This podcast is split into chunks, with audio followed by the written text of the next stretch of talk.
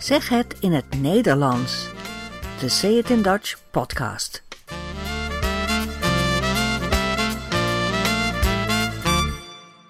Nummer 29. In deze aflevering spreken we over het beroemdste toneelstuk van Nederland, van Joost van den Vondel, Gijsbrecht van Amstel. En we praten over de Amsterdamse Stadsschouwburg.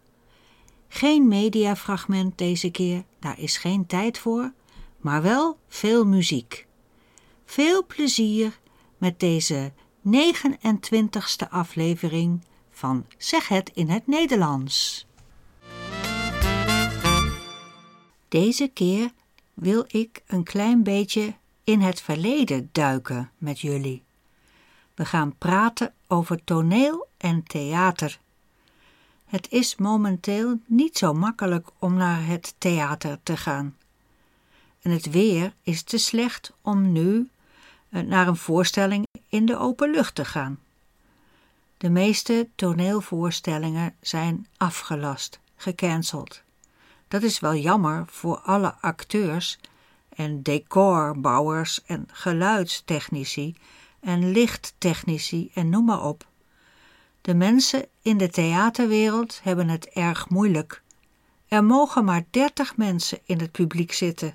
En voor veel theaters is dat gewoon veel te weinig om te kunnen bestaan, helaas.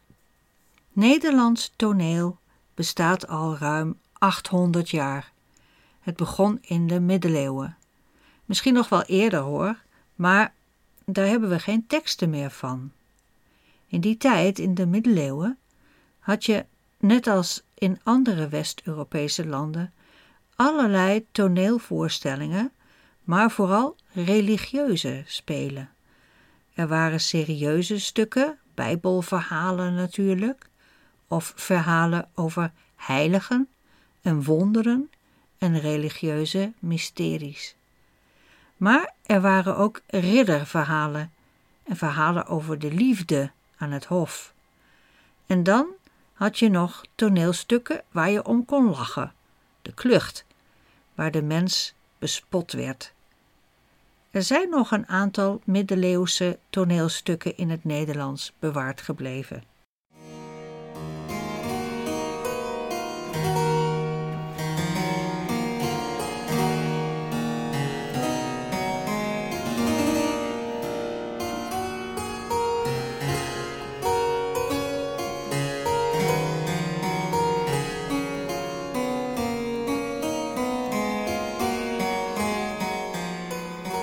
Maar het Nederlands toneel kreeg een echte impuls in de Gouden Eeuw. Dat is de 17e eeuw, dus 1600 tot 1700. Er zijn drie belangrijke schrijvers te noemen: Joost van den Vondel, of gewoon Vondel, die weet wel, waar het Vondelpark in Amsterdam naar genoemd is. Vondel dus. En dan P.C. Hoofd, de edelman die op het Muiderslot woonde, het kasteel in Muiden dat er nog altijd is. Naar hem is een belangrijke literaire prijs genoemd, de PC Hoofdprijs. De derde belangrijke schrijver uit die tijd is Bredero. Deze drie heren, Vondel, Hoofd en Bredero, hadden gezien hoe er in Engeland en Frankrijk mooie klassieke toneelstukken werden opgevoerd. Echt theater, geïnspireerd door de klassieke Grieken, de Griekse tragedie, of, zoals het in het Nederlands heet, het treurspel. En de komedie, in het Nederlands blijspel. Vondel en Hoofd gingen hun toneelstukken schrijven met een metrum, dus met een bepaald poëtisch ritme in de Nederlandse taal. En ze vertelden hun verhalen volgens de klassieke regels van Aristoteles. Bredero was erg goed in het blijspel en hij bespotte graag de Amsterdammers die domme dingen deden. En Hoofd en Vondel kwamen ook met serieuze stukken.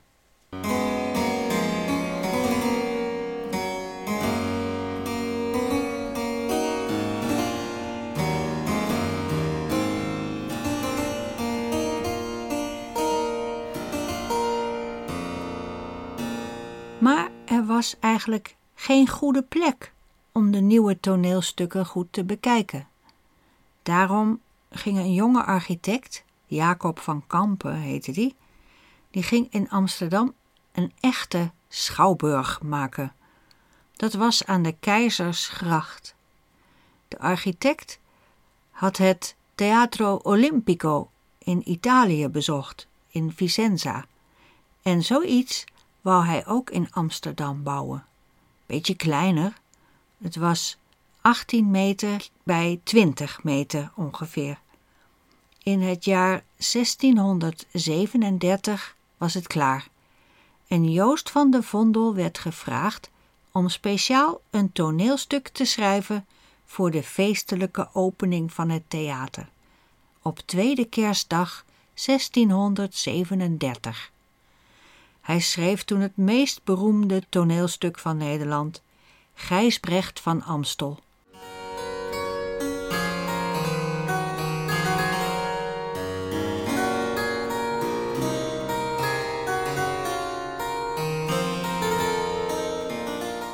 In dit toneelstuk beleef je de avonturen van meneer Gijsbrecht van Amstel, een edelman, die in het jaar 1303 Amsterdam moet verdedigen tegen boze boeren. Die zijn boos omdat Gijsbrecht hun geliefde graaf heeft vermoord. Graaf Floris V, die is dood. In het verhaal komt een engel de boodschap brengen dat ze eerst moeten vluchten en dan later Amsterdam weer op moeten bouwen. Het is een soort Amsterdamse val van Troje, met spionage en ruzies en drama en Vlamingen en boeren en zo. Floris de Vijfde heeft echt bestaan en ook Gijsbrecht heeft echt bestaan. En hij heeft ook echt met twee andere edelmannen de graaf Floris V vermoord, vlakbij het Muiderslot, het kasteel van Floris. De moord gebeurde in 1296. Goed, dus een tragedie over de val van Amsterdam, compleet met een soort paard van Troje, een schip vol soldaten. Het toneelstuk moest in première gaan in het nieuwe theater. De Schouwburg. Het zou op tweede kerstdag worden opgevoerd, maar de protestantse kerk in Amsterdam hoorde ervan en vond het maar niks. Alleen maar katholieke rituelen in het stuk en niks protestants, klaagden ze. Dat was wel grappig, want in 1303 als het verhaal speelt, toen waren er hier nog helemaal geen protestanten. Maar goed, Vondel moest zijn toneelstuk wel aanpassen. Daarom werd het pas op 3 januari 1638 opgevoerd in het Nieuwe Theater aan de Keizersgracht in Amsterdam.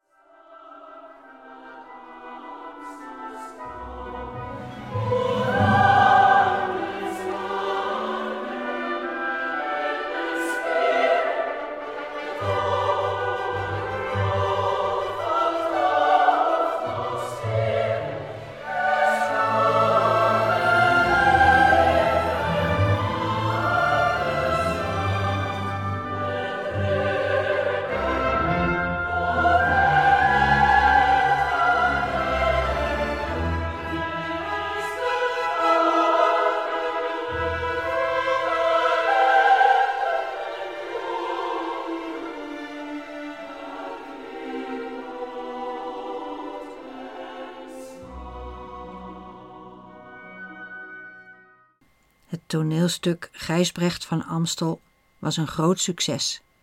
En daarna werd het elk jaar rond de kerst opgevoerd. Dat werd een eeuwenlange traditie. Ruim 300 jaar lang werd Gijsbrecht van Amstel elk jaar vertoond. Eerst rond de kerst en daarna elke keer op nieuwjaarsdag. De componist Alfons Diepenbrok heeft in de 19e eeuw de teksten van de rijzangen de stukjes die tussen de bedrijven zitten, de stukken die commentaar geven op het verhaal, die heeft hij op muziek gezet. Je hoorde net een fragment.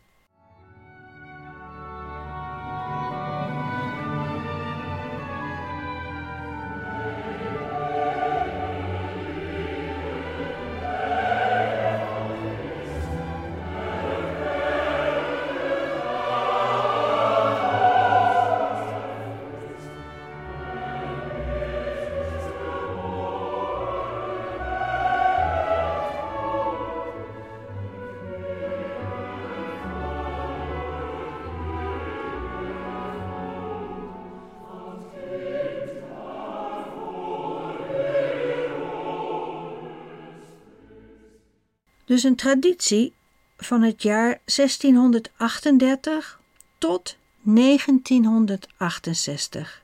In 1968, de jaren 60 van de 20ste eeuw, de beroemde jaren 60, toen moest alles anders. Klassiek toneel was voorbij. Alles moest op de kop. De taal van Gijsbrecht was ook al 300 jaar oud en schoolkinderen die naar het toneelstuk moesten kijken, begrepen er niet veel meer van. Wij gaven voor een kort en duidelijk bescheid. Gij hoort hoe het krijgsvolk staat tot stormen gereed. Waarom het nodig was allereerst het huis besluiten van achter met een vloot van schepen en van schuiten, mij van onnut gezin en die geen weer aan bien te ontslaan en met de bloem der mannen te voorzien, die machtig zijt geweld des vijands af te keren, hetwelk ons komt aan boord met stormbrug en weer. Ze moesten vaak met de hele klas naar de voorstelling toe. Want die was niet alleen in Amsterdam, maar toerde ook door het land, naar Rotterdam, Utrecht, Den Haag en zo verder. Bij de voorstelling in Rotterdam Begin januari 1967 liep het uit de hand. Scholieren lieten tijdens de voorstelling ballonnen knappen en zaten te joelen bij de knallen. De acteur die Gijsbrechts broer Arend speelde, was bezig met een subtiele sterfscène, maar niemand kon horen wat hij zei. Hij stond op van zijn sterfbed liep naar de rand van het toneel en riep naar de joelende kinderen: Stil nou even, anders horen jullie helemaal niet wat ik te zeggen heb. En daarna liep hij terug naar zijn sterfbed. Het was heel even stil, maar toen hij gestorven was en als een lijk op een brancard werd gelegd, toen viel hij er vanaf en de zaal gierde van het lachen. Daarop werd de voorstelling stilgelegd. Daarna was er natuurlijk, zoals gewoonlijk in Nederland, heel veel discussie over wat er gebeurd was. De acteurs gaven de leraren de schuld en de leraren gaven de regisseur de schuld dat het zo'n saai toneelstuk was. In Rotterdam, over Amsterdam en dan nog met stomme muziek en onverstaanbare acteurs enzovoort. En het jaar daarop op nieuwjaarsdag 1968 was de allerlaatste voorstelling van Gijsbrecht van Amstel in Amsterdam, met veel rellen en gejoel en gedoe. En daarna was het definitief afgelopen met de traditie. Wel jammer, hè? Maar ja, Nederlanders zijn niet zo heel gek op tradities hoor. Ze vinden liever nieuwe dingen uit. In de jaren zestig vonden ze echt alle oude dingen stom. Alles moest anders, nieuwer. Nog steeds wel een beetje, hè? Er zijn daarna ook wel nieuwe versies van het toneelstuk opgevoerd, maar de kersttraditie is verdwenen. Waar werd oprechter trouw dan tussen man en vrouw ter wereld ooit gevonden? Twee zielen gloeiende aan één gesmeed of vastgeschakeld en verbonden in lief en leed. De eerste regels van het toneelstuk zijn beroemd. En ze klinken zo. Het hemelse gerecht heeft zich ten lange leste erbarmd over mij en mijn benauwde vesten en arme burgerij. Het hemelse gerecht heeft zich te lange leste erbarmd over mij en mijn benauwde vesten en arme burgerij. Dat is echt de taal van de zeventiende eeuw, die wij nu niet zo goed meer begrijpen. Het hemelse gerecht bijvoorbeeld, het hemelse gerecht, dat is de rechtspraak van de hemel, dus van God. Die rechtbank van God heeft zich ontfermd over Gijsbrecht en zijn belegerde stad Amsterdam en de mensen die daar wonen, de burgerij. Tegenwoordig betekent hemels heerlijk, fantastisch of heel erg smaakvol, lekker. Dat smaakt hemels. En gerecht, dat is nu wel een rechtbank, maar vooral ook een deel van een maaltijd. Het voorgerecht, het hoofdgerecht en het nagerecht. Stampot boerenkool is bijvoorbeeld een Nederlands gerecht. Dus die oude woorden, het hemelse gerecht, daarbij denken wij nu eerder aan heel lekker eten.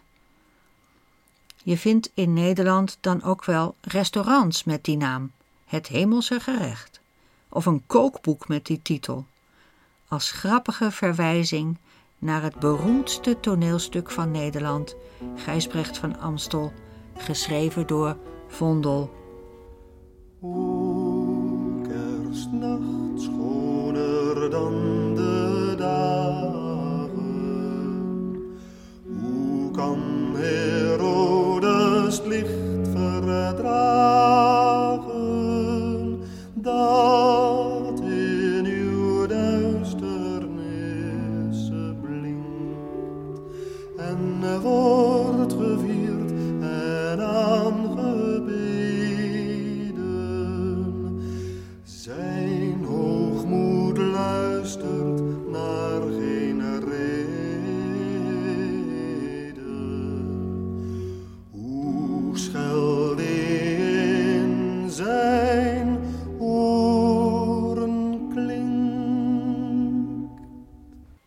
theater zelf, de eerste nationale stadsschouwburg van Amsterdam aan de Keizersgracht, had ondertussen zijn eigen geschiedenis. Het was natuurlijk al gauw veel te klein. Er was te weinig plaats voor decors en coulissen en voor grote gezelschappen. En daarom gingen ze het dertig jaar na de opening alweer verbouwen. Het werd twee keer zo groot, 18 bij 44 meter, met allerlei slimme houten mechanismen voor het omhoog en omlaag halen van de decors.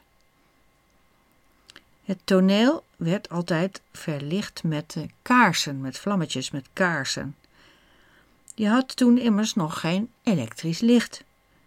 En in het jaar 1772, in mei, was er een Vlaamse voorstelling bezig, toen er een kaars iets te dicht bij een touw van het decor stond. En het touw vatte vlam. En daarna ging het gordijn in brand. En meteen stond het hele toneel in brand. En de schouwburg brandde helemaal af. Achttien bezoekers en één brandweerman kwamen om het leven. Heel treurig. Alleen de toegangspoort bleef overeind. Die staat er nog steeds. Die staat nog steeds op die plek. Met een spreuk van Vondel boven de deur. En Vondel had zich laten inspireren door Shakespeare. De wereld is een speeltoneel. Elk speelt zijn rol en krijgt zijn deel. Maar achter de poort is nu een hotel, het Dillon Hotel aan de Keizersgracht. Maar de poort is er nog.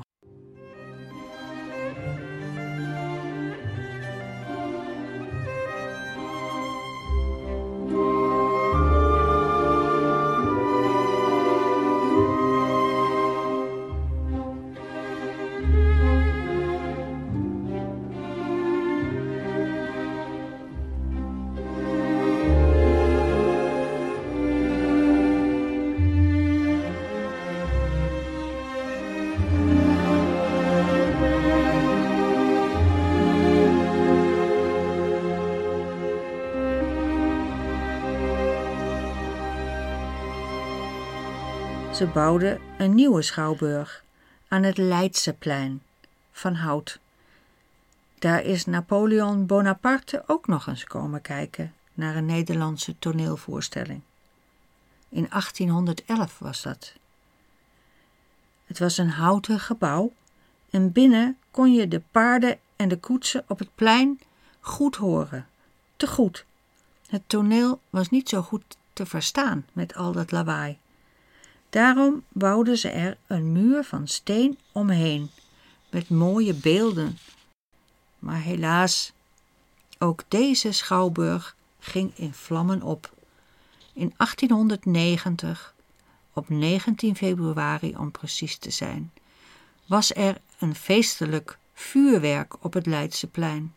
Een smeulend stuk vuurwerk kwam op de schouwburg terecht en die nacht veranderde het gebouw in één grote vuurzee, helemaal afgebrand.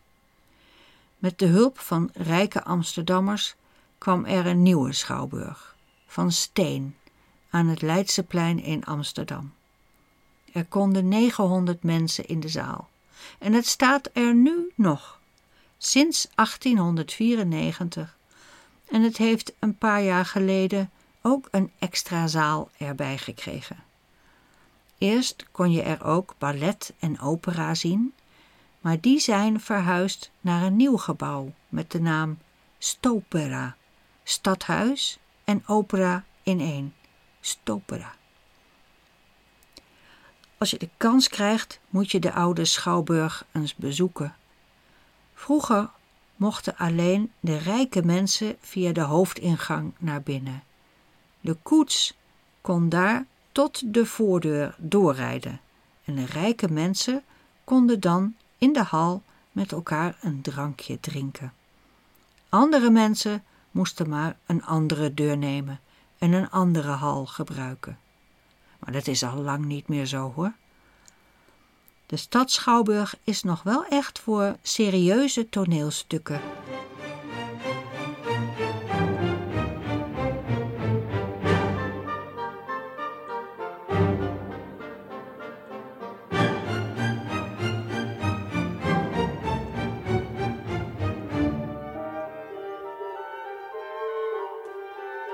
De lichtere voorstellingen, zoals variété of musical of cabaret en zo, die kun je vinden in een ander heel beroemd theater in Amsterdam, Theater Carré.